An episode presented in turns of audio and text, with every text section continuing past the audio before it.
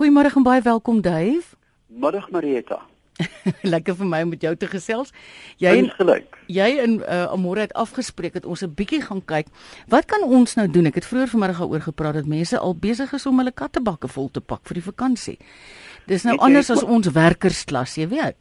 Jy hoe jy dan nou praat jy met die einste. Marieta. Ek dink daar's 'n paar baie logiese dinge wat 'n mens kan doen. Die eerste ding wat wat ek aandink is om seker te maak dat jou yskas en vrieskas ontvries is en dat die goed nie leeg staan nie want 'n leë yskas kan jy net sowel afskakel. Eet jou yskas en vrieskas leeg en skakel hulle af as jy kan. Ja. Dan uiteraard, ehm um, moet 'n mens, ek dink uh, jy weet mens soos jy mense jou huis skoon maak met die lente, is Kersfees se tyd om 'n bietjie goed weg te gooi, beide om te herwin. Sê dis nou die tyd om daai bottels uit die garage uit te haal. Ja maar ook te skenk aan liefdadigheid. Is daar oortollige klere goed wat jy nie meer gebruik nie? Nou is die tyd. Mense, ek voel altyd aan ek ek is baie oudtyds. Mense moet terugkom na 'n skoon huis toe. Dis baie um, waar. Nee, ek ek voel ek, duidelik, weet soos 'n motor, jy weet, as jy hom was, is hy 10 km/h vinniger. Dave. Uiteraard, dink aan jou diere. Daai stomme goed wat moet agterbly. Die papegaai, ja. die kat, die hond. Um maak 'n afspraak met 'n met 'n duur fluisteraar of iemand wat kan gaan loop met Fluffy. Hulle raak eensaam, hulle ja. raak neuroties, uiteraard moet hulle ook gevoer word. Mm. Sorg dat iemand jou posbus leeg hou. Ja. Um, indien jy ligte wil aanlos, jong, daar is nou sulke lekker energievriendelike diode ligte wat as dit donker word aanskakel. Jy kry dit nie. Tuin, maar sit vir jou stoep by jou voordeur in 'n strategiese kamer, 'n liggie wat aanskakel as dit donker word en hy gebruik byna geen krag nie. Um ek dink ook oortollige bystandapparate. Weet jy as jy krities kyk na 'n deursnithuis, daar's laaiers, die TV, die dekodeerder, die opnemer, die DVD-speler, al die dinge. Ja staan op bystand. Skakel die hele kaboedel af. Ek dink is ook veiliger in terme van 'n vuurgevaar. Um en dan, weet jy wat? Soos in 'n soos dit betaam by 'n ou boerehuis, vat jou stofsuier en suig die hele huis indien jy diere het, want jy suig die vlooi eiers op. Ek het eendag teruggekom na 'n vakansiehuis van iemand en dit gelyk of ek waterstewels aan het soos die vlooi my gepak. O, oh, Aina. Ek ek ek is dood ernstig, weet jy. Die goed sit en wag vir jou soos vampiere. So, ek dink eintlik moet 'n mens net jou eie goeie raad volg en logiese goed doen, maar my hart lê altyd by die diere. Dis dit is baie waar wat jy nou daar sê. En ek sien dat daar op 'n toenemende basis is daar plekke wat troeteldiervriendelik is waar jy kan oorbly. Weet jy, ja, kyk ek hou nie daarvan as daar um, een of ander wollerige poedel vir my kyk as ek sit te eet nie. maar um, ek dink tog soos in Europa onder julle was ja. in Switserland onder ja, ja. by meeste winkels, by meeste restaurante is daar hakkie aan die deur waar jy vir jafte kan vasmaak né? En hy het en hy het 'n bakkie daar, ja. Hulle sit daar met 'n in, in die winter met 'n heerlike jassie en 'n in 'n kapoets oor die ore. Mm. En um, hulle is dit gewoond. En ek dink dit is tog 'n 'n baie so teken van beskaafde mense. Ja. Dat jy nou noodwendig nie die dier tussen soos jy wil dat jy rondhardloop nie, maar dat daar wel akkommodasie. En mense verstaan dit. Ja. Ek dink ek ek wens so meer restaurante maak 'n hakkie buite laat hy vir jou wag. Mm.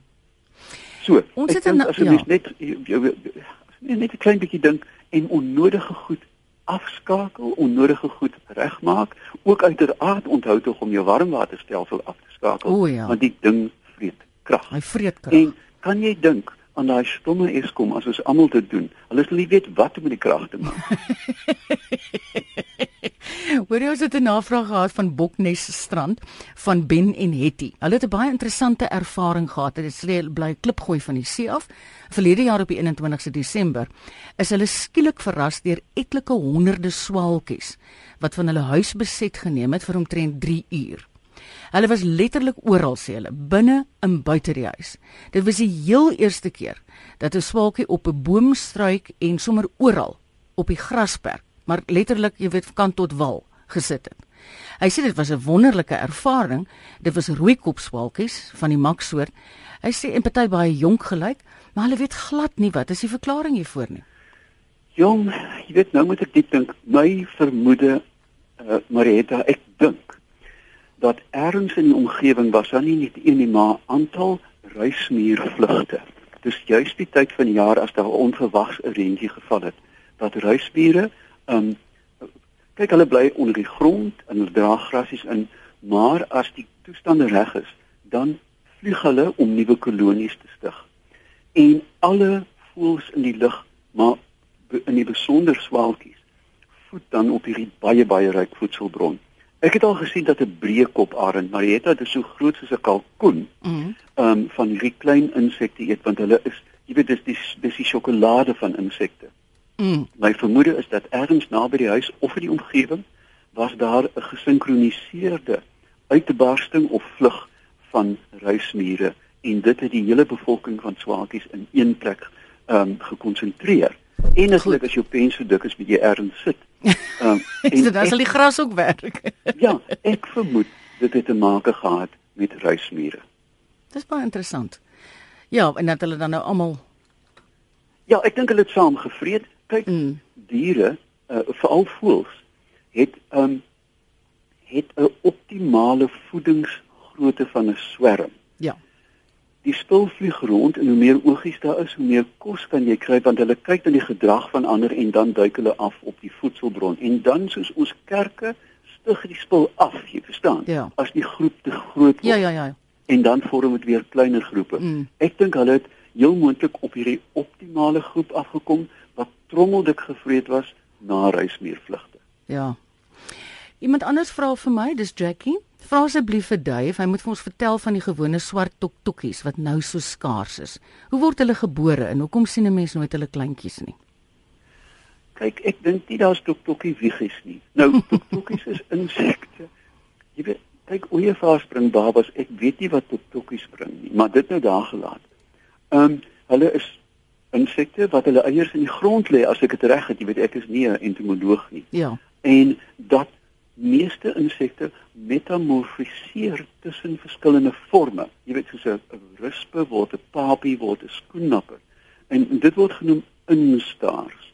Met ander woorde, baie bekende insekte word omvorm in 'n onherkenbare vorm as hy nie volwasse is nie. Oh. So hulle sien moontlik baie toktokkies um in wording wat mm, later mm. die groot swart toktokkie word. Dis baie baie interessant. Nou dat jy verwys het na die na die uh, wiggie. Ek het vanmôre so powere grappie van 'n pel gekry, maar tog 'n bietjie daaroor geglimlag. As babetjies binne die eg van wat is ek uh, wat is 'n stok nou weer in Afrikaans? 'n Ooievaar. Ja, van 'n ooievaar afkom. Ja. Waar kom babetjies buite die eg vandaan? Dis die, dis die pa se antwoord van ooievaars wat rondloop. ek Soos die Engelse sê pardon my mirth. Ja, ja, ja.